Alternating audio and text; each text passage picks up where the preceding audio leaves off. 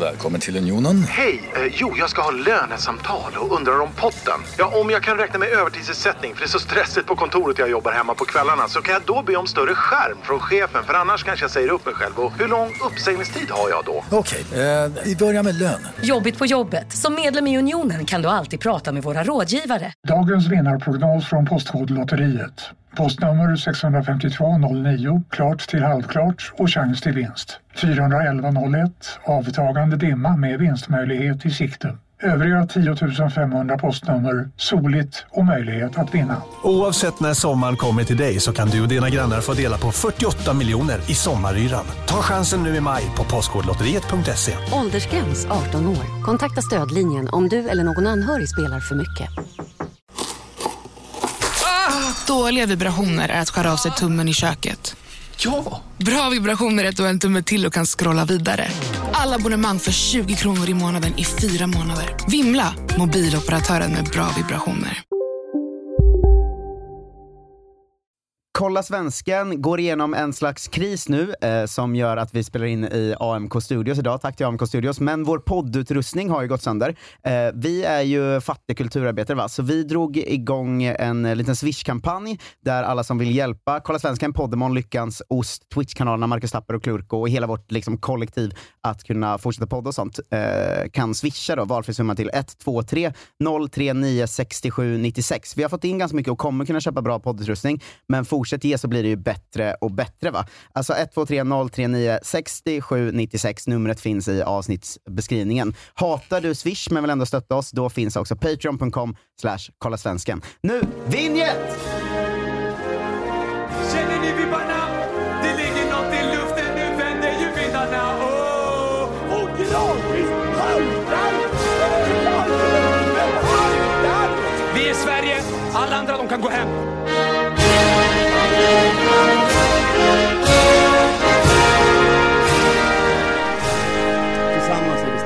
Tillsammans är vi jävligt starka. Hej och välkomna till Kolla Svensken, Sveriges fräschaste sport och fritidspodd. Som alltid med mig, Marcus Tapper och eh, The Tommy Söderberg, to my Lasse Lagerbäck, Jonte Tengvall. Hallå där. Hallå! Hej. Eh, Är du tillbaka starkare än någonsin? Jag har jag varit borta igen? Nej, men du har inte varit med på något gästavsnitt på länge va? Nej, det är kanske är sant. Men det är oftast då det blir gästavsnitt, när När någon du- inte kan.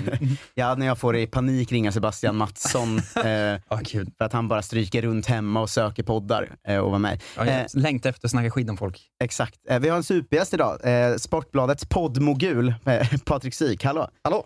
Eh, vi började prata lite podd innan och då Mm. insåg man att du, ett, kan allt om podd, också gör all podd. Jag har gjort det väldigt länge i alla fall. Eh, och har gjort det för, för Aftonbladet i, vad blir det, åtta år nu. Eh, och det är klart, när jag började så kunde jag ingenting. Men eh, med åren så, så lär man sig ju. Och nu har det blivit så att jag också föreläser ganska mycket om podd och poddmarknaden och eh, ingår ju i en ett stort, en stor mediakoncern där vi har massor med olika verksamheter som jag är på olika sätt inblandad i. Så att, eh, ja, det har ju liksom, ja, det beror lite på vad man menar. Men ja, mycket podd har det ju blivit de senaste åtta åren. Det känns ju som eh, om du blir gammal och gaggig sen, då kommer det vara mycket snack om att jag var först på poddarna. Ja, det är ju- hade ju varit en lögn. Jag var ju inte ens först på Aftonbladet med poddar. Det är ju, eh, så Filip Fredrik startade ju sin podd på Aftonbladet flera år före jag kom på idén att göra en eh, podd av eh, Sillybloggen. Mm. Eh, så att eh, det hade ju varit en lögn, men ah, fan. Eh, om, eh, den där lögnen kommer ju bli, kännas mindre och mindre eh, ljugig ju längre tiden går. det är liksom tre år kommer ju inte vara någonting om, om, om 20 år, så att, eh, det stämmer säkert. Är det det jag tänker, att allt man eh, gjorde var hyfsat tidigt. Sen när man är gammal kommer man ju gå all in på att det var jag som var först i Sverige på det. Ja, precis. Det kommer vara tydlig, konstig sån demens du går in i någon gång när det bara är liksom 800 poddar som snurrar i huvudet. Ja. Ehm, ja, men det fanns faktiskt eh, för, det här är en sån här grej jag har i en slide någonstans, men det fanns något som hette Svenska podcastsällskapet eller någonting som startade typ redan 2007. Som en hemlig orden. Ja, nej, men typ som var, som var ett gäng nördar som eh, skickade så här, länkar med olika RSS-feeder till varandra och de var de enda så här, 26 killarna i Sverige som visste vad en RSS-feed var. Och, eh, så att eh, Sverige varit eh, ganska långt fram i, i podd, om man, ur det hänseendet, eh, länge. Undrar hur de mår idag, de 26 killarna. Hur många som liksom tog vara på det här och Jag liksom undrar, jag, kapitaliserade jag undrar om de fortfarande sitter och skickar RSS-feeder till varandra. liksom, och, De har inte fattat att det liksom finns det finns liksom appar och en sånt. miljon appar nu. Det känns som i så fall ligger de ju också så himla långt efter, för det tar ju längre tid att hitta om du ska lyckas googla fram RSS-feeder, antar jag. Ja, men det var ju faktiskt, alltså när jag, när vi gjorde de första avsnitten, då satt jag alltså och skrev i XML-arken, jag skrev ju koden för hand för varje avsnitt som skulle ut. Oj. Som en Eh, hacker. Ja, nej, men, ehm, då fick man ju liksom ja, men in i själva källkoden och fylla på med nya avsnitt varje gång det skulle läggas upp. Och sen då uppdatera dokumentet i servern och sen eh, skicka den feeden iväg igen. Eh, och så, då fanns ju inte någon svensk eh, hosting som det gör nu med, med Acast. Det finns ju många. Liksom. Eh, herregud, nu har ju vi en egen. Utan då använde vi oss av, eh, av egen hosting och något som hette Podtrack. Eh, så att, eh, det var ganska så här, spartanskt i början. En mikrofon i ett konferensrum och sen ett, eh, eh, ett XML-ark med, med eh, text på som man satt och fyllde på. Det känns som eh, tider man inte saknar. Det är så himla lätt att göra podd fy, idag. fy fan vad det var. Det var ju alltid så här, du vet, så, ah, men det har inte kommit ut och så man går in och kollar, men det fattas någon jävla du vet, hakklammer någonstans, eller man har glömt. eh, ja, men, ja. Och så får man gå igenom det här dokumentet varje gång för varje, varje avsnitt som skulle ut. Det låter verkligen som så att light-versionen av de första på 90-talet som kunde designa hemsidor och sånt, som blev liksom Mm. snorrika. Fast här blev det bara så, man fick en anställning om man hade tur istället. Ja, men det var lite därför som jag började göra för att jag började ju faktiskt som webbutvecklare före jag blev journalist. Så jag har det där liksom med mig från eh, mina tonår, att jag var en av de som började snickra hemsidor liksom där 96, 97. Mm. Eh, och utbildade mig sen till, till webbutvecklare eh, under ett par år i början på 00-talet. Så flera år före jag liksom kom på att jag skulle bli journalist. Och hade en kort sån karriär. Så att när det här väl dök upp så var ju jag en, en person helt enkelt som kunde dyka in i det utan att känna att eh, jag fick liksom, ja, men kallsvettningar av ett, ett ark med kod. Den där hemsidan 96, blev du svinrik och om nej, grämer det dig idag att de andra blev det? Eh, Alltså jag var ju bara, jag gick ju på gymnasiet så att eh, förutsättningarna för att bli rik, men alltså, grejen var att jag jobbade faktiskt för en eh, byrå i Stockholm samtidigt som jag gick på gymnasiet nere i Västervik. Mm. Eh, så jag å- tog liksom bussen upp eh, när vi hade så praktikveckor eller vissa helger och på så sommarlov och grejer för att, för att jobba. Eh, och det var, det var så, det var så galenskap man möttes av.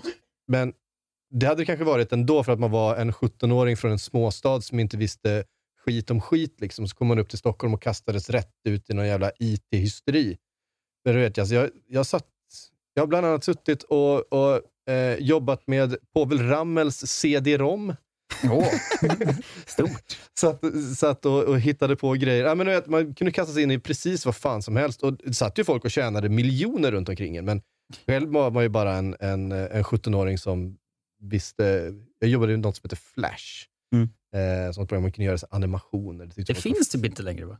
jag tror inte det är någon som, eh, som jobbar med det på det sättet. Man kan ju göra samma saker i, typ, eh, ja, i andra program. Jag får sådana webbläsaruppdateringar ibland om att de inte stödjer Flash längre. Jag blir lite ledsen för att jag känner så. Hela min barndom har försvunnit. Ja, men så Flash-läsaren hängde ju med bra länge, men då satt man faktiskt och gjorde animationerna i programmet Flash. Så jag började med något mer som är Flash 3. Du- Vi har inte pratat mycket fotboll än så länge. Nu sitter vi och pratar... sen. Det här är introt. Det här är eh, inte så jävla intressant för, för lyssnarna. Jag Jag tror att lite i det här. Jag tror att det är intressantare. för- Alltså fotboll har de ju hört om massor gånger. Ja. Eh, di- dina Flash-år har de ju inte hört om en enda gång i den här podden. Nej, det, det, det är nog ingen som har hört om i någon podd.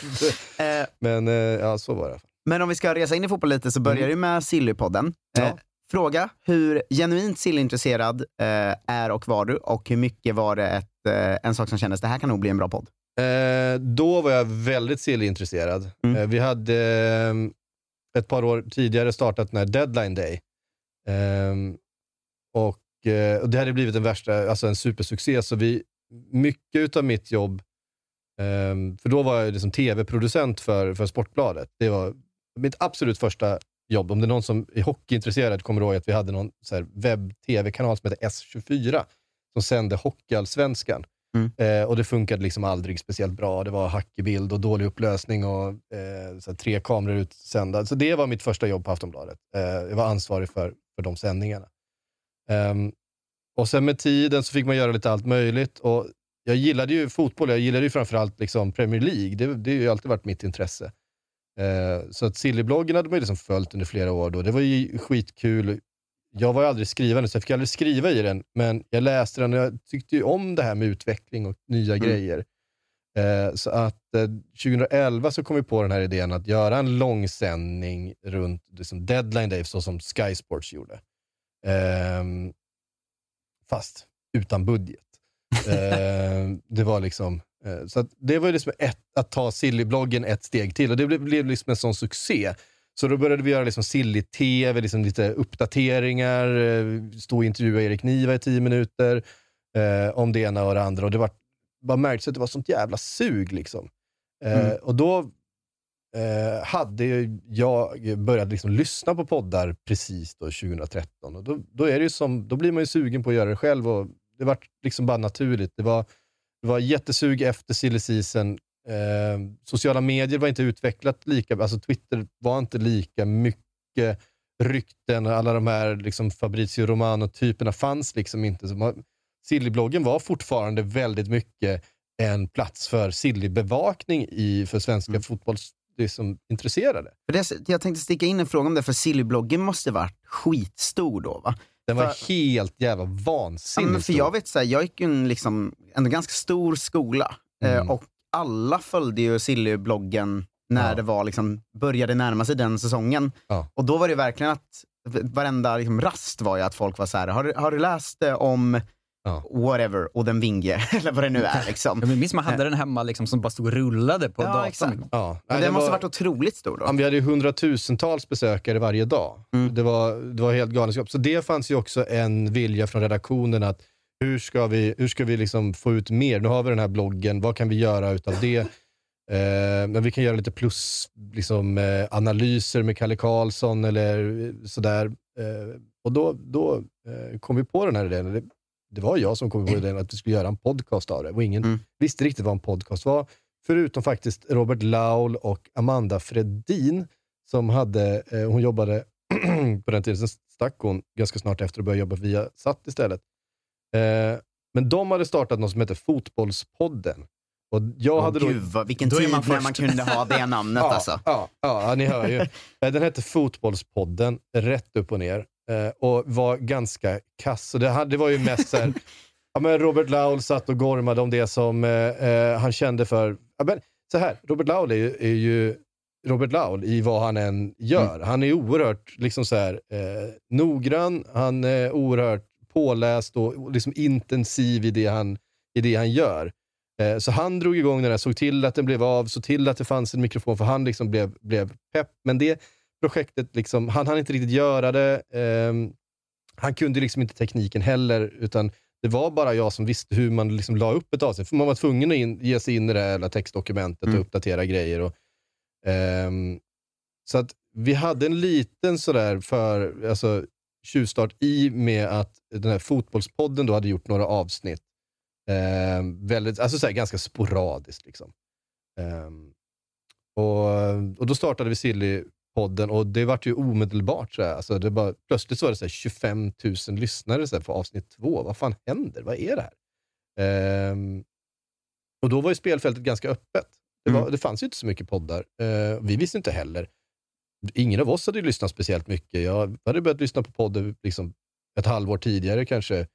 Eh, och då var det liksom Filip och Fredrik, The Guardians fotbollspodd, eh, någon till som man, som man följde. Men, ehm, men där, och det är ju klart att vi, det var samtidigt som en massa andra upplevde precis samma sak. För där, under de närmsta 12, 12 månaderna så kom ju nästan hela det liksom basutbudet av poddar som vi ser idag. Mm. Jag menar, Alex och Sigge, Fredagspodden.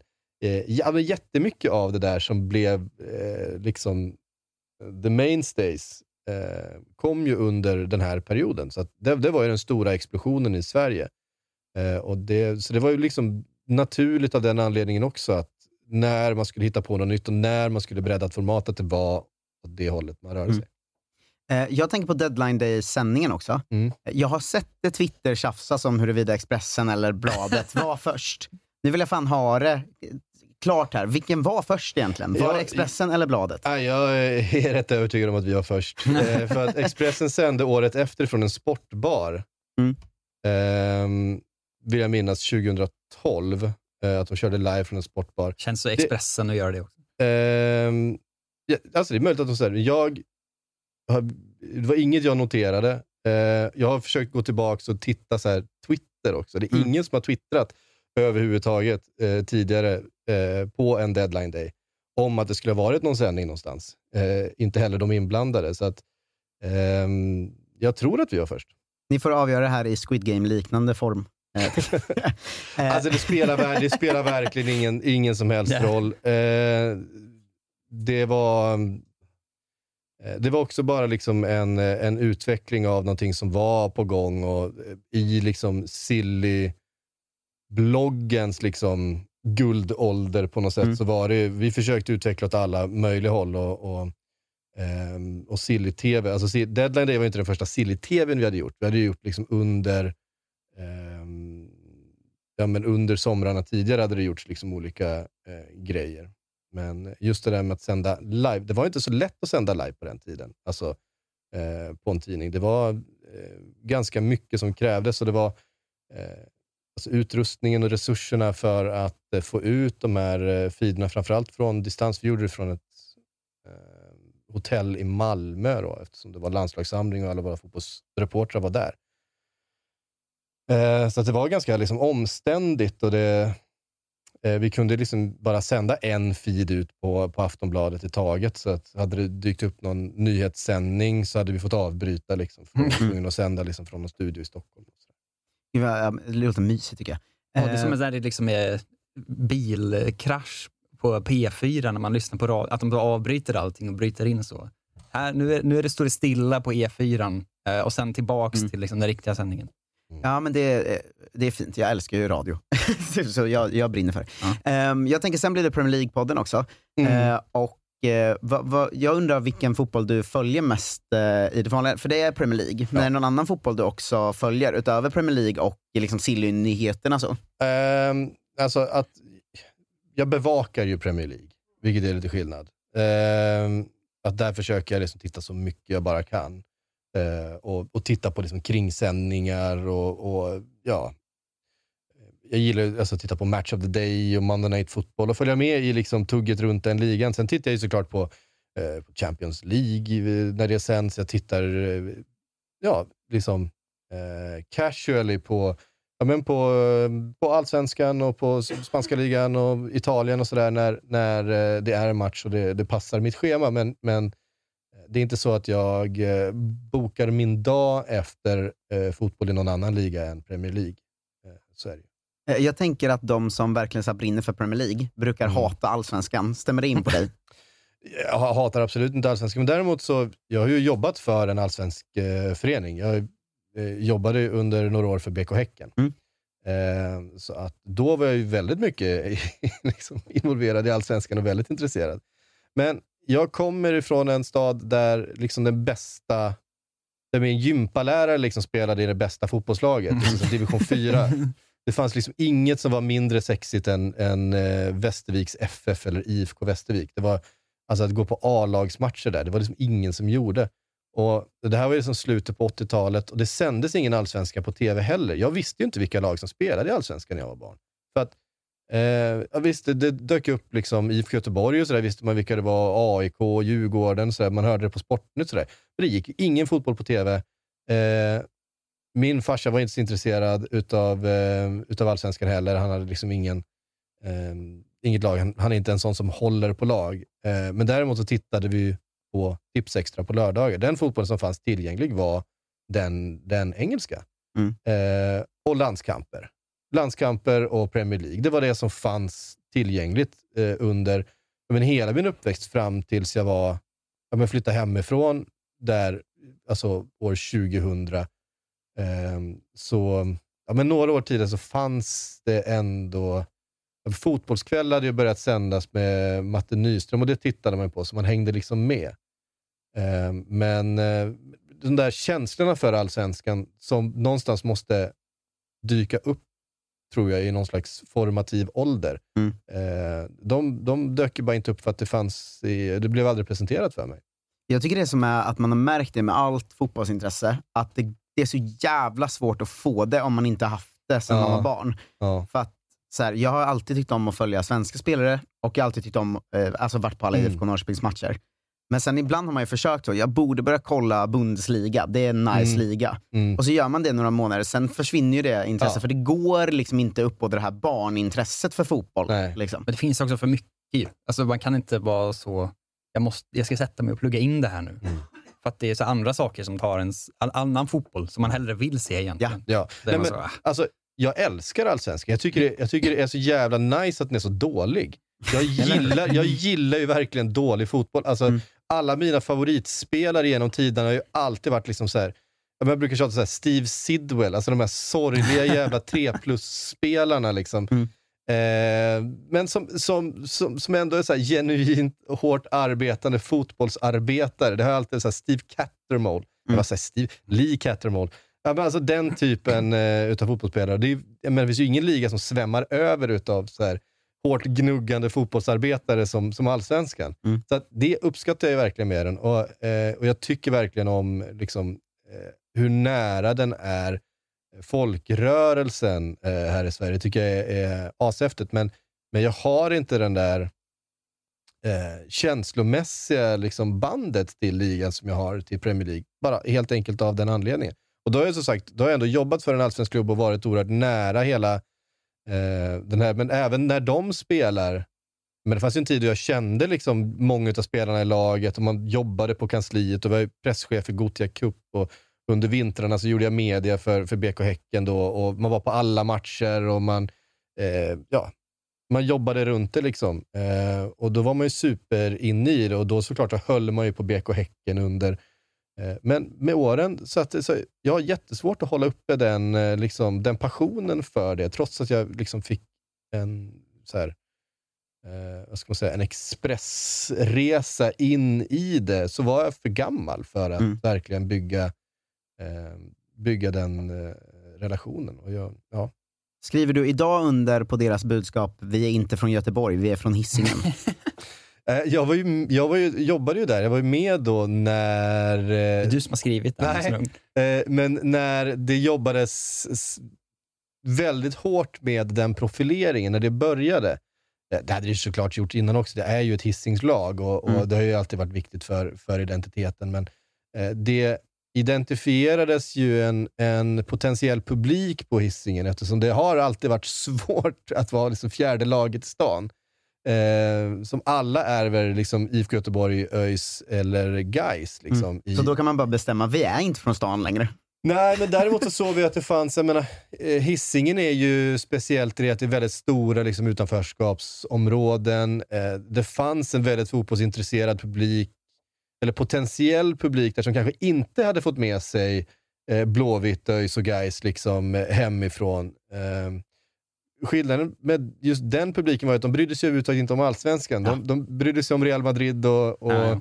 och Chelsea. Liksom. Ehm, Men hur är Göteborg rent geografiskt? För jag vet inte hur Göteborg liksom ser ut, för jag har aldrig bott där. Men Stockholm är så himla tydligt geografiskt uppdelat i liksom tre stora klubbar. Så, så är det ju inte i, i Göteborg på samma sätt. Ehm, Det är väl bara ÖIS som har lite Djurgårdsgrejen, att det är överklassen Men det från är liksom Örgryte. Liksom. ja, men liksom. Örgryte är ju också en, bostads, alltså Mm. en, en stadsdel. Mm. Ehm, så att det finns ju naturligt, men du hittar ju öisare precis överallt och gaisare och ehm, herregud, Västra Frölunda liksom. Det är ju en eh, stadsdel det också, men, men eh, det är svårt. Alltså Blåvitt är ju så otroligt dominant. Mm.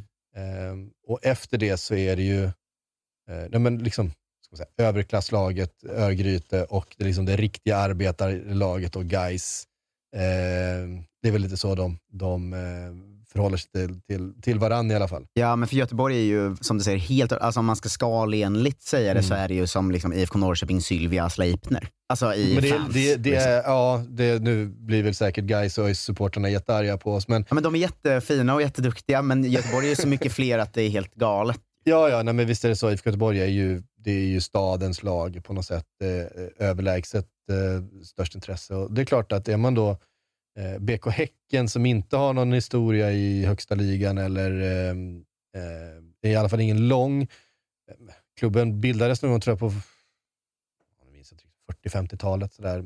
Men verkligen så här av hamnarbetare på varven på hissingen liksom. Och de skulle heta BK Kick egentligen, men så fanns det redan ett sånt fotbollslag när de skulle registrera det till, till eh, eh, och då kallades varvet som de jobbade på, för det gick en jättelång häck då precis bredvid varvet, så varvet kallades, det hette inte det, men det kallades för Häcken. Just det varvet där de här arbetarna här, ah, så här, sista sekund, ah, men vi kallar det för Häcken istället. Eh, nu har jag säkert fel på några detaljer, det var eh, men, men, Det är så bra att de har inte så många fans, så ingen kommer höra av sig efteråt. Nej, un, ungefär så. Eh, ja, men de är så fina. Eh, gick till, och då, det, liksom så här, då kom, det var liksom redan för sent då. De andra Mm. hade redan så bara liksom etablerat sig. Eh, fastän att det är ändå rätt länge sedan som, som klubben bildades. Ehm, och så, så, här, så det har varit, varit, eh, varit tufft, men det har ju ökat stadigt. Det är klart att nu har de ju, de är en välskött förening och har, eh, är ju stadigt på vi får väl se för de landar på övre halvan här. Eh, Det, har inte varit en, det är ju kanske deras sämsta säsong eh, på länge, men eh, eh, med tiden kanske det kommer. Eh, vi är vid goa 20 minuters market ungefär. Eh, dags för faktaruta. vi har pratat, presenterat eh, dig och BK Häcken nu länge. Eh, men eh, vi, den är ganska snabb, så det kommer gå lugnt. Eh, jag vill att du börjar med att ge oss tre svenska fotbollsspelare som du genom ditt liv haft någon slags speciell relation till. Det behöver inte vara de bästa, men de du gillat mest att följa. Mm. Ehm, den första är Glenn Hysén. Jag visste att det skulle komma. Motivera. Ja. Eh, Nej, men det är inte konstigare än så att när jag var eh, sju, åtta år gammal och älskade fotboll liksom över allt annat, det var liksom min, mitt hela liv, då var han ju vår största stjärna. Mm. Eh, och det var, ju, det var ju så Liverpool kom in i mitt liv. Jag, alltså, jag minns väldigt tydligt när jag sitter med farsan och kollar eh, liksom på, på det engelska högsta ligan eh, på Tips Extra och han säger “Kolla, där är Glenn Hysén” och så visste jag vem det var. Han, har, han spelar nu för världens bästa lag, Mm. eh, som ju Liverpool var på den tiden. Eh, och, och det var liksom bara så här, då var det ju kört. Ja men okej, den bästa svensken spelar i världens bästa lag, då ska jag ju såklart följa det laget. Det är svårt att inte haka på då, faktiskt. men alltså, så det, var, för det var ju de två världarna möttes ju. Det var ju de två fot, den fotbollen jag kände till. Det var landslaget och, och Premier League plötsligt. Och det var väl, eh, jag vet inte hur långt det var efter den här eh, sex getingar-matchen han gjorde mot just England när han var så helt fenomenal. Eh, men han var ju han var ju en jättestjärna i Sverige och, eh, och gick ju till, till Liverpool och då var det ju kört. Så att Glenn Hysén är den första. Tänk att föräldrar borde ta mer ansvar för, när de säger till barn vad som är bäst i världen. Man fattar liksom inte hur stor den makten är, för alla Nej, hugger precis. direkt Ja. och så är det kört. Ja, ja, ja. Det var ju exakt så, alltså att eh, vi kollade på Premier League och min pappa var så här. han är svensk och så var det en med rött hår och så sa han, de är skitbra just nu och då började jag hålla på Arsenal. Ja. Alltså det, Ja. det, så- det är origin story för alla bara. Att den Ja, ska ja. ha Nej, men- sagt något dumt som har straffat min, min gamla AIK-historia är ju samma, att pappa sa att de är bäst i Sverige nu, för de vann allsvenskan 98 bara. Så det är klart jag ska på dem då. vad, vad annars? Ja, det är ändå fint. Men hur var det att följa Glenn Hyséns resa för dig som var ett fan av honom, alltså så stort fan av honom som fotbollsspelare sen när han blev den här liksom jokern som han har blivit eh, sen? Eh, nej, men jag har ju träffat Glenn några gånger och han är ju, en, han, han är ju eh, han är fascinerande på det sättet att han, att han tar livet med en sån jävla klackspark. Eh, så att man kan ju inte annat än bara fascineras över den menta mentala resiliensen hos eh, den här som ändå har liksom gått igenom en del i, i livet och fått stå ut med det ena och det andra. Det har liksom inte alltid varit så lätt, men han tar, han tar livet så, med en jävla klackspark hela tiden. Och det, det är inspirerande eh, på något sätt. Och, eh, sen som fotbollsspelare, alltså jag var ju så liten så att jag, kommer liksom, jag kan liksom inte riktigt minnas Glenn Hysén spela för Liverpool. Så, alltså det, det är inte så att man har några tydliga minnesbilder. Där, däremot så fanns det ju andra spelare i det, alltså John Barnes och Ian Rush, som var de häftiga. Han var ju mittback, Glenn Hysén. Man, vad fan, man, är, Svårt man, att är, ta åt- in. man är åtta bast, man ser ju inte mittbackarna på en fotbollsplan. Man ser ju bara anfallarna. De som, de som dribblar och gör mål, det är de man ser. Ehm, och det var ju Ian Rush och John Barnes ehm, som, eh, liksom, som jag fastnade för Mm. när jag väl hade bestämt mig för att Liverpool var mitt lag. Eh, nästa spelare. Nästa spelare, eh, det måste vara Henke Larsson. Mm. Eh, för ehm, han var sådär lagom några år äldre än en själv. Eh, att, ja men, dels VM 94 där, då var han ju med, då var jag 13 bast. Eh, det var ju liksom en enorm sommar.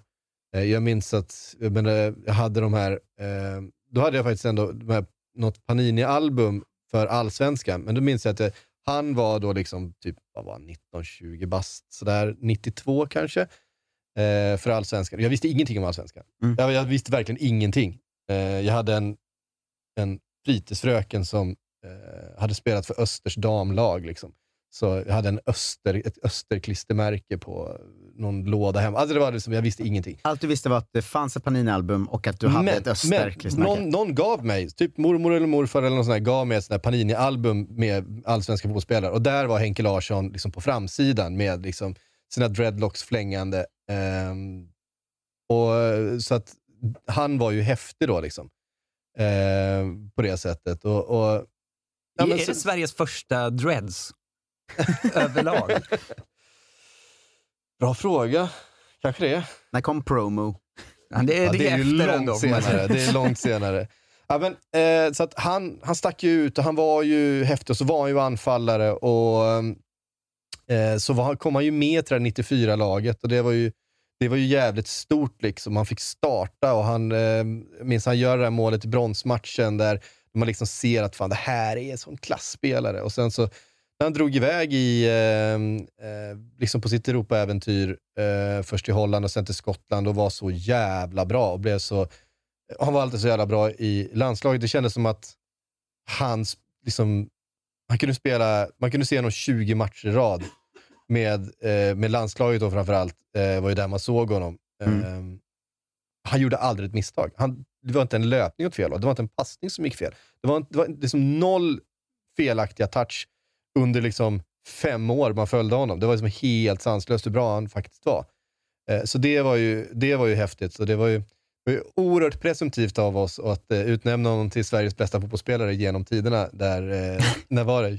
2000? Året innan Zlatan. Fyra eller där. Ja, men då var han väl det då? Zlatan, Zlatan, nej, men genom tid. Han var ju Ja, det. ja. Då, fram till, förändras. fra, fram till dess. Eh, och jag menar bara det att det var inte så många svenskar som åkte ut och gjorde ett stort avtryck i Europa. Han liksom åkte ut och vann guldskon. Alltså före Mm. Det är alla de här eh, jättestjärnorna. Han gjorde flest mål av alla. Och det var dessutom med någon slags koefficient där ett mål i Skottland inte var värt lika mycket som ett mål i La Liga. Han vann ändå guldskon och han gjorde 43 mål. Och sådär. så det var ju... Så Henke Larsson, absolut. Hur var hans resa följa då till ganska sur tränare? Han var ju Eh. nå- när han var i Allsvenskan var han ju den suraste tränaren jag någonsin har sett.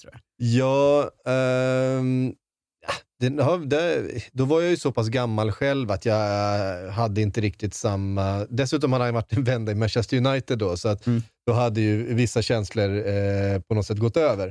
Eh, men eh, det har jag inte eh, haft. Jag har inte haft någon, någon stor relation till honom eh, efter karriären, eller egentligen sen han lämnade eh, Barcelona där och gick, eh, gick hem till Sverige. Eh, då, då, eftersom jag då... Hej, Synoptik här. Visste du att solens UV-strålar kan vara skadliga och åldra dina ögon i förtid? Kom in till oss så hjälper vi dig att hitta rätt solglasögon som skyddar dina ögon. Välkommen till Synoptik. Nu är det stor vårfest på K-bygg med massor av varor till kanonpriser. Eller vad sägs om Bäckers Elite Träolja för bara 229 kronor? Ytterdörr Modern för bara 5 995 eller 25% rabatt på förvaring och skjutdörrar från Elfa. K-bygg. Bygghandeln med stort K. På Sveriges största jackpot-kasino går hypermiljonen på högvarv. Från Malmö i söder till Kiruna i norr har hypermiljonen genererat över 130 miljoner exklusivt till våra spelare. Välkommen in till Sveriges största jackpot-kasino, hyper.com. 18 plus, regler och villkor gäller. inte har samma känsla. Jag tittade ju eh, såklart på, på det och, och följde det sådär, men, men eh, jag vet inte. Jag trodde på riktigt det du skulle säga att eh, då hade jag själv blivit så gammal att jag var också sur.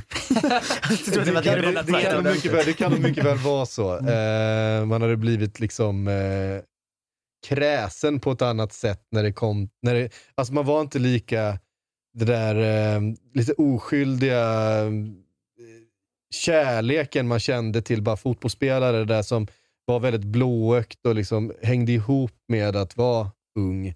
Det, det går ju över efter ett tag. Jag behöver inte säga det till Marcus, han är ju Sveriges mest cyniska fotbollssupporter tror jag. Jag tror, tror inte att någon är glad eller trevlig på riktigt. Tar hela livet med äh. Ja. Eh, en tredje och sista spelare.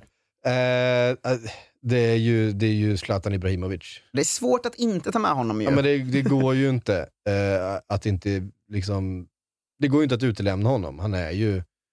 Eh, jag har suttit med kompisar från andra, jag har suttit med liksom amerikanska vänner eh, som inte kan ett skit om fotboll verkligen. Alltså, de, vet inte, de kan inte reglerna. De, de vet inte hur många det är på en plan, men de vet fan mig vem Zlatan Ibrahimovic är. Och de har liksom en åsikt om honom.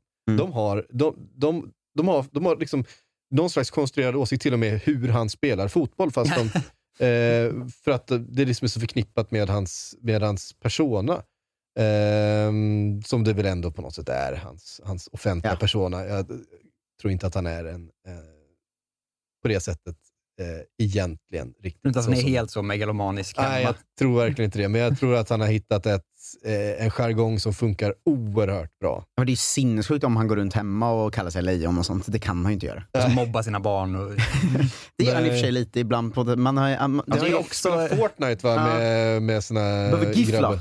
Eh, och han är- Ja, men det är också då ute. Det är inte Ja, privat på det sättet riktigt. Ja, nej, men, men, men han är ju så, han är ju så djupt fascinerande i det att han, eh, men dels då har den här personan som går genom rutan hos liksom miljarder.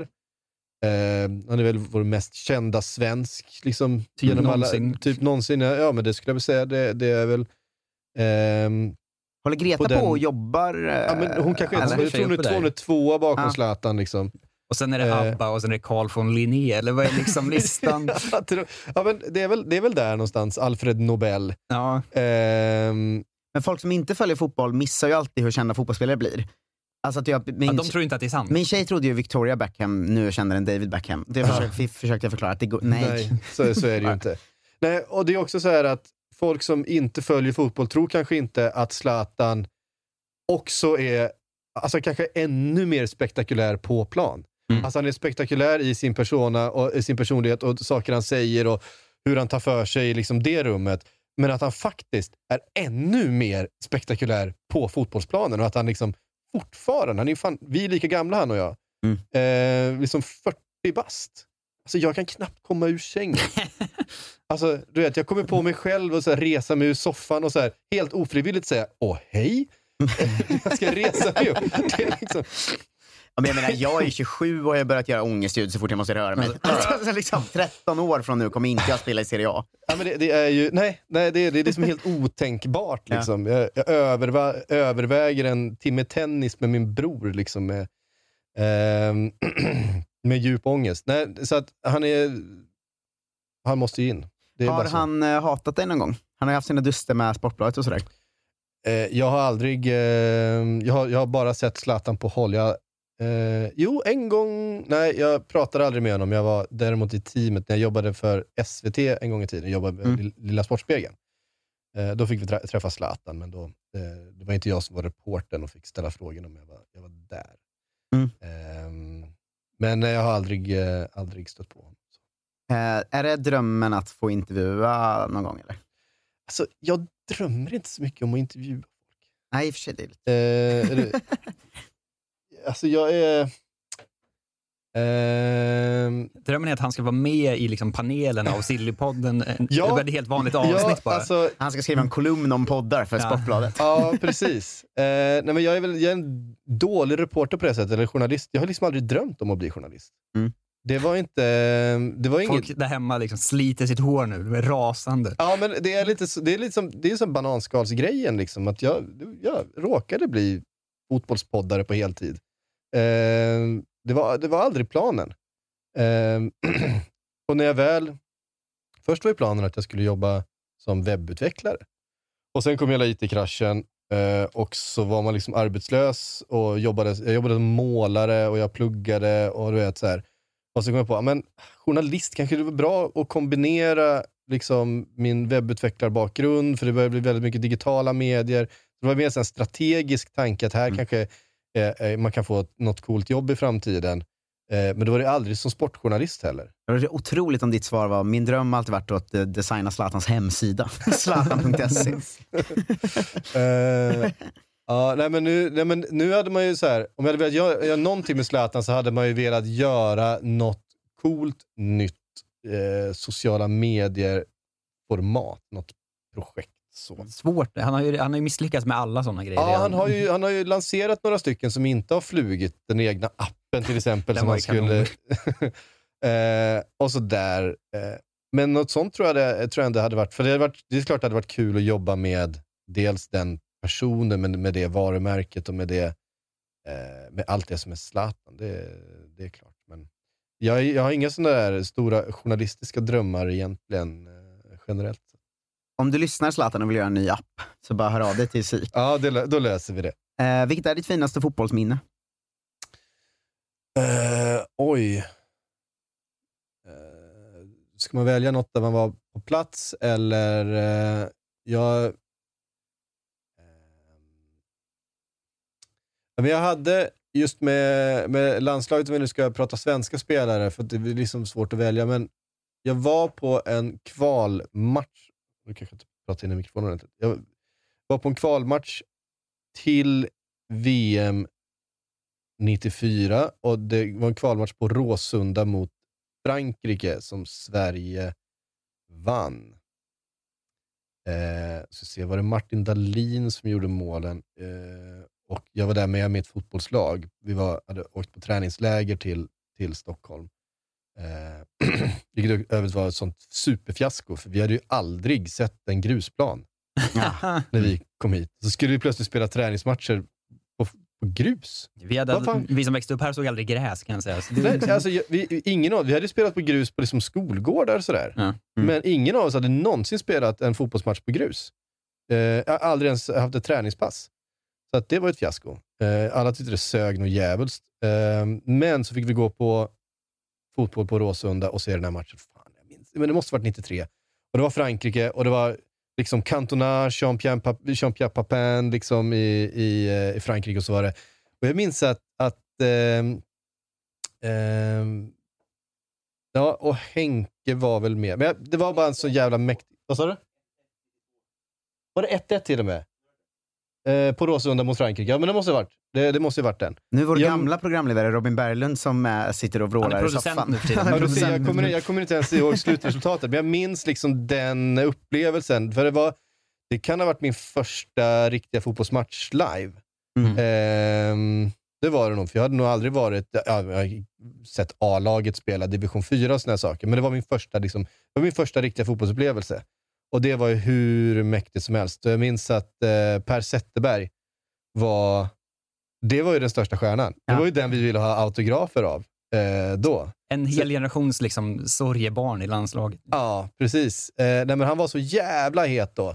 Och jag minns att vi stod hängde vid det där liksom, kravallstaketet som var ner mot planen med liksom, autografblock. Och 92 då var jag 11.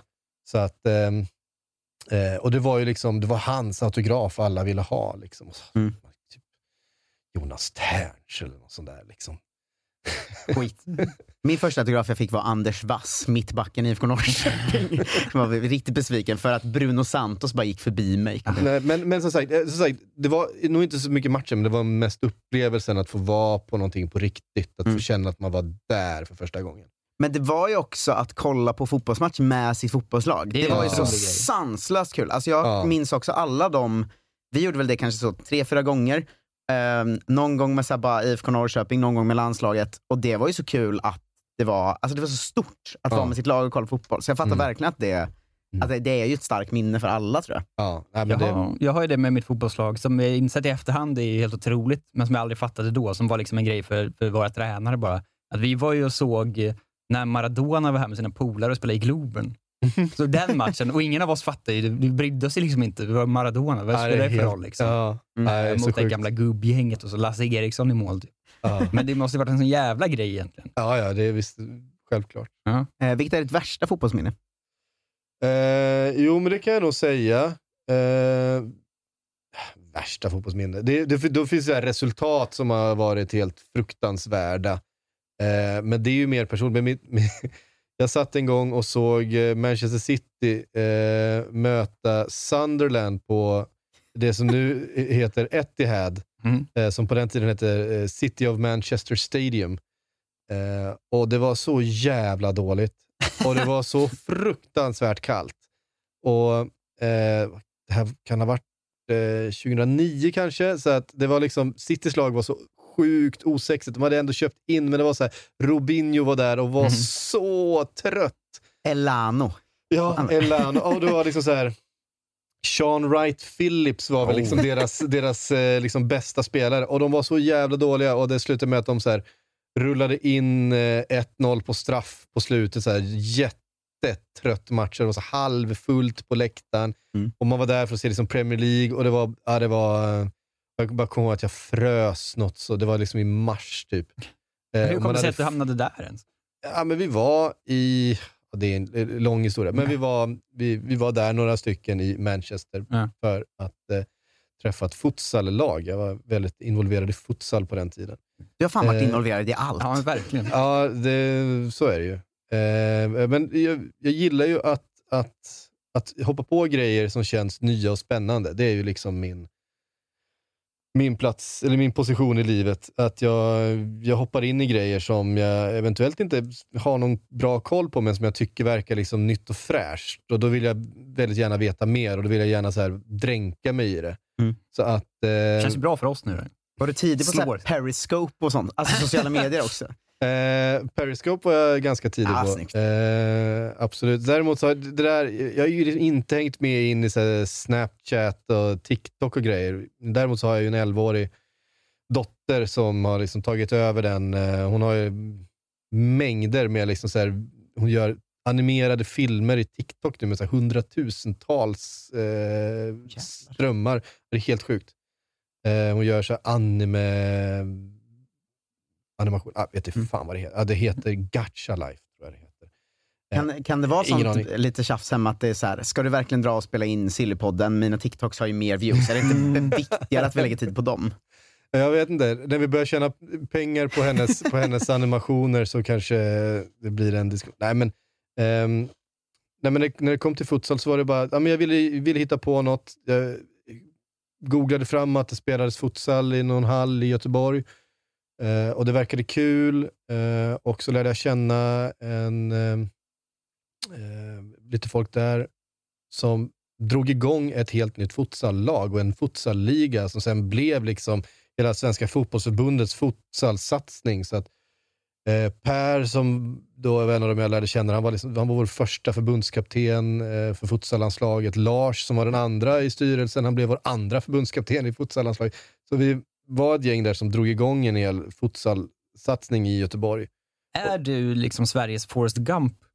För det här låter helt otroligt, att du har varit överallt. Eh, jag vet inte. Startade alla det poddar i annan- Sverige och sen hela futsal-Sverige. Internet. Ja, men jag, det är väl mest, det, det, det, är ju, det är ju inte jag som gör det. det Men är han gjorde ju inte de här grejerna, han var ju i bara den- där. Ja, precis. Ja, men man är liksom en, en eh, perifer figur. Men det är väl det att man, man hänger på saker som är, eh, som är nya eh, och vill vara en del av och, och hjälper till. Jag har, eh, det är ju numera IFK Göteborgs futsallag. De liksom Mm. sögs in i den verksamheten sen, eh, några år efter. Så det var några år. Och då var vi nere i Manchester för att träffa Manchester Futsal Club eh, för att ha någon slags utbyte i, eh, med dem och eh, då passade det på att gå på lite fotboll och då hamnade vi där. Låter Det är toppen. en lång jävla historia för Nej. att förklara varför jag satt på, på den arenan. där. Men ja, det hedrar dig att du valde liksom inte något, eh, en hjärtesorgsmatch utan bara en riktigt dålig match. Det tycker, tycker jag om som mitt värsta minne. Shoutout till Martin, ska jag säga, för det var han som drog igång, eh, eh, Martin Georg som drog igång eh, futsal-ligan. Jag har nämnt de andra två, får jag nämna honom också. Eh, Sista och viktigaste frågan kanske. Eh, Mm. Om du fick stämpla en aktiv eller icke-aktiv eh, fotbollsspelare riktigt, riktigt hårt, vem hade du valt då? Eh, Ja, det, alltså det, det kittlar ju att ge Cristiano Ronaldo en, eh, en känga, inte minst med tanke på sparken han riktade mot liksom 19-årige Curtis Jones eh, i söndags. Ronaldo Och- är väl också och- och- objektivt rätt svar? Va? Och, och, gen, och generellt för att han verkar vara en, en stämplingsbar person. Eh, men om man ska bortse från det, en spelare jag verkligen alltid har avskytt är Jordi Alba. Helvege, herregud vad oskön han verkar. Otroligt att det är andra gästavsnitt i rad som det svarar. Du och Rasim Reis har exakt samma stämplingsvilja, eh, vilket är härligt ändå. Ja, men det, det måste ju säga mer om dem än om oss. Jag tror han ligger högt upp på många sådana listor. Ja, men det, är något som, det är något som är så oskönt med honom hela tiden i hur han eh, ja, men dels gnäller på domaren, dels filmar själv hela tiden. Och, alltså det, det är något orent med honom som man gärna skulle vilja sätta en, en lik Hattermole eh, rätt över eh, skosnörena på honom. B- bra svar. Ja, verkligen. Eh, jag tänker vi kommer hinna spela in typ max en kvart till. Eh, så vi Mm. måste ju också hinna med lite lyssnarfrågor. Eh, det, det, Självklart. det talar ju gott om dig, att det känns som att jag gärna skulle sitta liksom en och en halv timme till här. Det var supertrevligt. Eh, men vi får gå in på lite lyssnarfrågor och det gör Mm. ju alltid lyssnarnas eh, röst i podden, alltså Jonte Tengvall. Det är korrekt. Igen, vi har ju som regel att vi ska läsa alla frågor. Vi kanske inte hinner alla nu den här gången till och med. Eh, Oj. Vi gör det vi, vi kan. Första frågan är, en god forehand layup eller en lyckad roller? Eh, förklara två, gärna. två begrepp jag inte förstår. ja, det, det är discgolf va? Jag är också eh, otroligt... Eh... Startar du det också? Nej, nej, det gjorde jag verkligen inte. Eh, men shoutout till eh, Sportbladets discgolfpodd, kommer nya avsnitt snart här. Eh, en liten eh, plugg för den. Eh, nej, men jag älskar discgolf. Det är, en, en, det är min passion, kan man väl säga. Eh, och eh, svar på frågan, det är mina två absolut sämsta kast, eh, forehand layup och eh, roller. Eh, så att jag blir ju väldigt, väldigt lycklig om jag lyckas med någon av dem. Men eh, jag, jag har utvecklat min forehand under sommaren, så jag säger eh, min, en forehand layup. Eh, diskgolf eller diskobowling? Diskgolf eh, alla dagar i veckan. Rätt svar. Är det, är det verkligen rätt svar? inte övertygad. Banan i tacos? Frågetecken. Eh, nej. Nej. heller. Bra, rätt svar. Verkligen att lyssnarna borde inte veta om den här, det säger jag alltid när jag är gäster, men lyssnarna borde liksom inte få veta om den här vi läser alla frågor-regeln. För då ställer de ju såna här Men vi säger den ju också varje gång. Det är också att jag alltid skäller på dem för de är så, såna idioter, våra lyssnare. Nej, nej ska inga man. jävla bananer i tacos. Ja, hur många kollegor, kollegor har du mött under åren som gillar grindcore?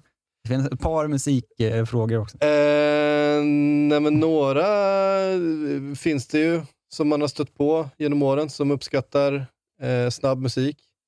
Eh, så är det ju. Men inte, inte jättemånga. Det, de är väl representativa för, för resten av samhället. Vi är inte supermånga som just eh, är, hänger på grindcore-staketet. Eh, musikfråga jag sticker in då. Mm. Jag står lyssnarfrågeplatsen här. Absolut. Eh, vem, eh, liksom, vilken sportbladet-profil har så här oväntat dålig koll på musik? Jag tänker till exempel eh, Mauri han, eh, som är ju där. Eh, Mm. han har jag hört både i Mina vänner-boken, eh, Robins eh, podd och Mm. någonstans till att han kan liksom inte identifiera något som har med musik att göra överhuvudtaget. Nej, så är det nog. Finns det någon liksom sportprofil som är så fruktansvärt kulturellt eftersatt som Mauri är? Ja, men det är ju så många. Det är det? Ja, det är ju, det är ju så otroligt många. Ehm, jag vill inte hänga ut någon där, men det är ju, finns ju verkligen, eh, verk, det är ju så jävla mycket så här, åh jag älskar Ulf Lundell och Håkan Hellström. Alltså, Mm. Ja, det är jag. det, ja, men det, är verk, det betyder det, det är bara att man någon så. gång har hört musik. Ja, men precis. Det är ju så här, och jag älskar musik. Jag är så musikintresserad, jag gillar allt. Gör, gör du verkligen det? Eller gillar du ingenting? Eller, eller, eller, eller gillar du liksom... ehm, du gillar ju inte min musik. Mm. Då gillar du kanske inte allt. Eh, nej, men det är oerhört mycket eh, så här, folk som sitter och hyllar, nu skiner Poseidon liksom, som Mm. den mest fantastiska, det är en jävla poplåt. Liksom. Eh, ja, nej, det, det intresserar mig inte. Eh, och det är väl där de flesta befinner sig, skulle jag säga. Min fördom är ju att vår poddkompis eh, Frida Fagerlund som varit här massa gånger, att hon Mm. bara är sån, sån klassisk skåning som bara kan joddla med siv och sånt. Nej, hon är ju Hon så, hon är så, ja, hon är ju så en jävla så här EMD eh, eh, lyssna. Ja, det är bara Avicii och den typen av musik. Sånt. Ännu värre. Ja. Här är en till musikfråga. Har du någon gång tänkt på att ditt namn skulle kunna blandas ihop med Micke Syd? Ja, det, det, eh, min lillebror heter ju Niklas och kallas i vissa kretsar för Nicke. Ja, och han heter då Nicke Syk. Och Micke Syd. Det är två helt olika namn. Eh, men, men, så det har ju hänt, men inte, inte för min egen del. Nej, det är ju tråkigt att höra i och för sig. Mm. Eh, vilken svensk, nu är det en riktig fråga plötsligt. Vilken svensk eh, spelare skulle du vilja se byta klubb för att få en skjuts i karriären? Eh, och till var? Eh, jag hade gärna sett Jens Kajust i England, för jag tror att han hade... Eh, dels för att vi saknar en svensk spelare som har... Eh, alltså, vad- det, är, det, är väldigt mycket, det är väldigt mjuka fötter på alla svenska spelare plötsligt. Vi, har, vi saknar en hårding. Mm. Vi har ju alltid haft någon, någon brutal jävel som, eh, som har kunnat kliva in i en närkamp. Det, vi har ju ingen sån längre. Inte ens våra mittbackar kan ju kliva in i en närkamp ordentligt. Eh, men jag känner ändå att Jens Kajust har den potentialen. Han, skulle, han är ju en bollvinnartyp. Liksom. Han skulle kunna utveckla den, eh, den sidan av sig själv i, eh, i England. Vilket lag borde han gå till? Ehm, ja, men vill ju se honom i Premier League då och inte i Championship, även om det kanske Burnley. ligger... Nej, nej. Eh, vart, vart fan vill man se honom? Ja, men, eh, det måste då finnas en, en eh, plats för honom någonstans, så det, det blir ju nedre halvan i alla fall. Men eh, varför inte Aston Villa? Ja, Jättebra. Gud vad jag hade velat se honom där. Ja, det är ett Ja. tufft mittfält att slå sig in på. Men, ehm, eh, men varför inte ge, ge det en chans? Eller hur? Eh, fick jag sms av Robin Berglund, dagens producent, som skrev “Gud, förlåt, det blev 2-1”. Eh, det var april 93, om den här Frankrike-matchen vi pratade om Ja, förut. då då. här. Okej då, då hade jag rätt. Det bra jobbat. Och det var 93 och inte 92. Precis. Ja, men då hade jag rätt med mig. Fan. Eh, vad gillar du mest med Anton Tinnerholm? Jag vet inte. Han verkar trevlig. Ja, det, det var han faktiskt, det är Ja. sant. Eh, har du läst balladen om Kalle Klick? Eh, jag har eh, läst den. Är det Sebastian Mattsson som är inne och frågar? Det var inte ens det faktiskt, men jag tror att han kan mutat någon. för att Sebastian Mattsson hörde också av sig till mig och sa “Kan ni fråga i podden om psyk gillar mig?”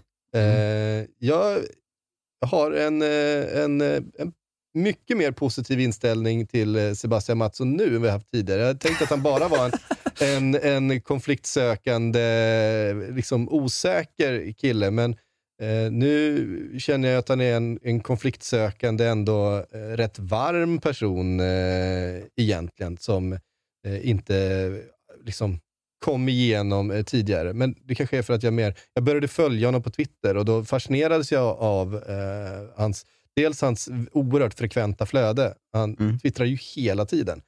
Ehm, men också att eh, det fanns en, eh, en värme som jag inte hade lagt märke till tidigare. Så att eh, vi känner ju inte varandra. Men ehm, eh, jag är, vad heter det, bi-curious. Via Twitter. Det heter det inte. Eh, nästa fråga. En annan sak. Vem är fotbollens Nathan Queen? Vem Vem är världens Nathan Queen? Ja, Nathan, Queen var, han vann precis eh, eh, slutspelet för Disc Golf Pro Tour. discgolf igen, fan Ja, det är mer discgolf. Ja, det är väl eh, Leicester i sådana fall, för det var ju en megaskräll. Mm. Man kan säga så här, nivån, nivån på skrällen var att eh, i ett fantasyspel som gjordes inför slutspelet var det 7000 deltagare. Noll hade valt Nathan Queen av 28 personer. Det var 28 deltagare. Noll hade valt honom som segrare. Eh, och Ja, han gick och vann. ändå- Han var den enda som hade noll eh, bets på sig. Eh, så att han var verkligen, verkligen underdog. Men så Leicester, det var väl ingen som trodde att de skulle vinna ligan. Det är ju någonting ändå. Mm. Har du någon gång fått rådet att slicka lite mer röv? En klassisk Olof Lund-fråga då. Får man ju förklara allt. Ehm, i, nej. Jag kanske inte har behövt det tipset. Det kanske, det kanske har gått av sig själv. Eh, jag vet inte. Ehm, nej, det har jag aldrig fått. Nej. Då så. Jag är, jag är bra på att hålla mig väl med, eh, med människor. Om det innebär att jag, eh, eller att någon har ansett att det har varit rövslickeri, eller ifall det bara är att jag är liksom en konflikträdd människa av naturen som gör att jag liksom eh, inte tar så mycket fighter kanske. Konflikträdsla är faktiskt det finaste vi har tycker jag. Det, det, det är en egenskap jag gillar mest hos andra och har Verkligen. väldigt mycket själv också. Sluta vara bråkiga. Ja, jag, jag, jag, är skapligt, eller väldigt konflikträdd så. Mycket bra. Eh, Det gillar vi alla. Konsensus. Mycket trevligt. Mm. Eh, ärligt svar, psyk. Stör du dig inte lite, lite på Fridas nya brittiska uttal? Till exempel spös. Nej, det gör jag inte. Det gör jag verkligen inte. Fan vad jag älskar Frida. Hon är så jävla bra Eh, alltså. Ja, hon är, hon, hon, hon är bäst. Eh, hon får vara precis ur... Vad fan, hon bor ju där borta. Hon, hon lever ju för fan ihop med en britt. Hon har ju bott där tidigare. Hennes syrra bor där och är ihop med en britt. Hon är ju för fan halvbritt. Det är klart att hon får ett brittiskt uttal på saker. Å andra sidan är det lite som min kusin som flyttade till Stockholm och kom hem och började prata stockholmska. Ja, men, Mm. men, men så fungerar man ju. Det är ju inte något, eh, det är inte något hon har lagt till sig med, utan det är ju, det är ju genuint eh, så hon uttrycker saker.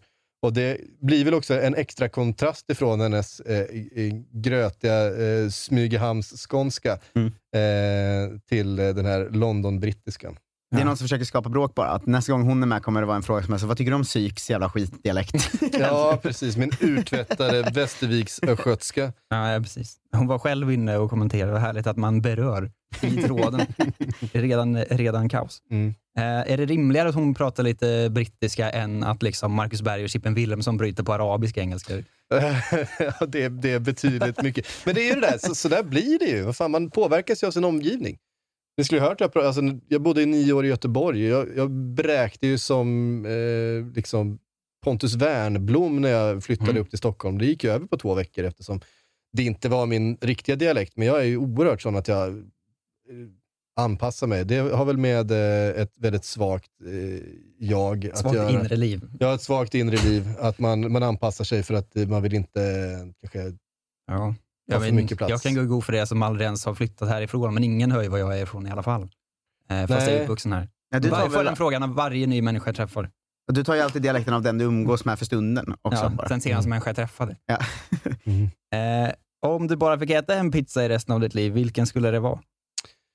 Uh, det som i eh, Sverige heter kebabpizza, men som i Stockholm heter gyrospizza, eh, hade det fått bli. Mm. Det är en skillnad jag inte är helt säker på att jag tar. Men rest, resten av Sverige vet vad jag pratar om. Det går Ja, inte ja. att få tag på riktig kebab i Stockholm. Det, det säger folk ofta. Ja. Ja, men det, eh, det, ja, det, det är ju rätt också. Du, Mm. du stör dig ofta på saker för att folk säger dem ofta, även om de stämmer. Men det är ofta därför folk säger dem ofta. Ja, det kan vara sant i och för sig. har, har någon eh, fotbollsspelare fått eh, lika mycket orimligt utrymme i silly season-sammanhang på Sportbladet som Leandro Damiao?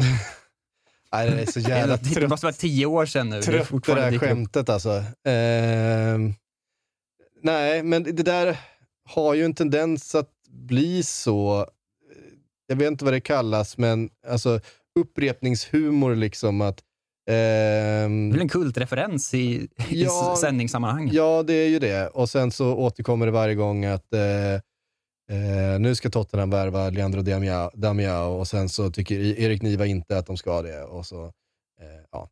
det, det är ju super, supertrött och gammalt, men eh, ja, det, det, det är orimligt mycket. Det kan jag hålla med om. Niklas Bentner också. Ja, han hade, han hade några guldår där, där liksom vi knappt hade en sändning. Det gick knappt tio minuter i sändningen utan att Niklas Bentner på något sätt skulle nämnas. Det blev också rätt trött. Men få- lyssnarna verkar tycka att det var ganska kul och uppskattar den liksom lite familjära relationen som uppstår när vi har ett, ett inside joke tillsammans. Ehm, men eh, ja, det blir lite trött efter ett tag. Ja, det kommer snart eh, vara trött att jag alltid måste berätta att Alex Timossi Andersson är utlånad från Bayern München. Eh, för det är en sån Kommer jag måste berätta varje vecka. Men han kommer ju också inte vara det för alltid, så Nej, det kommer det ju släppas. Det är sant. Um, här? här är en, en som frågar om din favoritspelare i Liverpool Premier League, alla kategorier och undrar varför svaret är John Joe Shelby på alla de här frågorna. Ja, eh, jag är ju djupt fascinerad av John Joe Shelby just av de anledningar som vi nämnde tidigare. Att han, han har ju den där eh, vårdslösheten i sig som jag, som jag uppskattar eh, hos en fotbollsspelare. Ehm, han, eh, nej men, min favoritspelare är Steven Gerrard. Mm. Eh, för att eh, ja, men dels, det var verkligen den här, ja, men, två år äldre än vad jag är. Man kunde liksom bara följa den karriären strax liksom bakifrån. Bara sådär. Eh, det, det, var, det var så jävla häftigt när han slog igenom och han var 19 och man själv var 17 och vad fan är det här för snubbe? Och han var, han var hård, han var stark och han kunde liksom, gjorde supermål, han sköt från 30 meter och så vidare. Eh, så det är min favoritspelare. Men John Joe Shelby trodde man ju länge skulle bli, liksom, eller länge, man trodde ett eh, väldigt kort tag att han skulle bli nästa Steven Gerrard. Han hade de här kvaliteterna, de här egenskaperna. Eh, han var stenhård in i tacklingar, han spelade liksom med, med eh, heart on his sleeve som de säger i, i England. Och, men han skäller, skäller ut Sir Alex Ferguson när han blir utvisad. Eh, This is your fucking fault! Alltså sådär, han, han, han hade den där den attityden. Och, och det är så här genuin liksom, brittisk arbetarklassunge, lite galen. Liksom. Han, han, ja, de är ju knäppa där borta. Liksom. Och man, alltså hela det landet är ju som den där, den där kompisen som man liksom älskar men inte kan stå för. Alltså den där idioten som man aldrig skulle rekommendera till en, eh, liksom en arbetsgivare, men som man har haft så jävla kul med under åren. Det är ju liksom, det är min relation till hela det landet. Och John Joe Shelby är verkligen så ganska nära kärnan av det. Elias heter den kompisen i mitt fall. Eh, vi kommer att bli utkörda ur studion nu. Ja, det är sna- snabba Eh, frågor, så, två stycken. att, eh, Mm. Så att vi, får, vi får skynda på de sista Ja. då. Favoritost? Gr- nej, jag, jag höll på att säga gruyère, men jag är faktiskt extremt förtjust i en bra chèvre. En, laga, en lagrad chèvre. Mycket bra svar. Uttalssnyggt så du bara sjunger om det också. Eh, Sista frågan. När hostar Sportbladet upp pengar för att införliva Kolla Svensken i paraplyet egentligen? Oj. Var den från dig? Absolut inte. Ja, men vi får, vi får snacka här utanför och eh, göra upp något. Vi kostar 20 spänn ungefär tror jag. Eh, hörru Patrik, superstort tack för att du ville vara med. Ja, det var jättekul. Eh, visst, eh, eller berätta alla ställen man kan ta del av dig nu i podd. Eh, jag, jag vill inte missa någon. Nej, nej, det är ju ehm, på Aftonbladet. Eh, generellt tycker man kan kolla in att eh, faktiskt lyssna direkt i Aftonbladets app. Det, eh, vi har ju en, en, en spelare där nu som man både kan följa sina favoritpoddar från Aftonbladet, eh, men också liksom lyssna och klicka sig runt och upptäcka nya grejer. Vi gör, vi gör jävligt mycket, mycket mer än vad folk eh, tror, tror jag. Det är ofta så här, så här, jaha, gör ni sportpoddar också? Folk som har lyssnat på eh, någon krimpodd eller jaha, gör ni eh, ledar, gör ledarredaktionen en podcast? Eller ja, gör ni en daglig nyhetspodd? Ja, men det är så här, folk kommer från lite olika håll och man, eh, förhoppningen är ju att försöka cross-promote lite mellan dem. In och ta del. Vilka Eh, poddar hör man dig i? Man hör mig i Premier League-podden, eller Sportbladets Premier League-podd ska vi säga att den heter. eh, För det finns faktiskt en annan podd som heter Premier League-podden. Tidiga på bollen. Eh, ja, de, var, de var tidiga på det. Och ehm, eh, Sillypodden när den eh, kommer igång här i, i vinter igen. Det tycker jag man ska. Tack för idag Jonte. Tack. Eh, tack Patrik. Vi Tack. hörs och ses allihop. Hej! Hej då!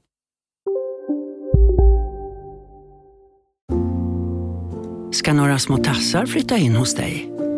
Hos Trygg Hansa får din valp eller kattunge 25% rabatt på försäkringen första året.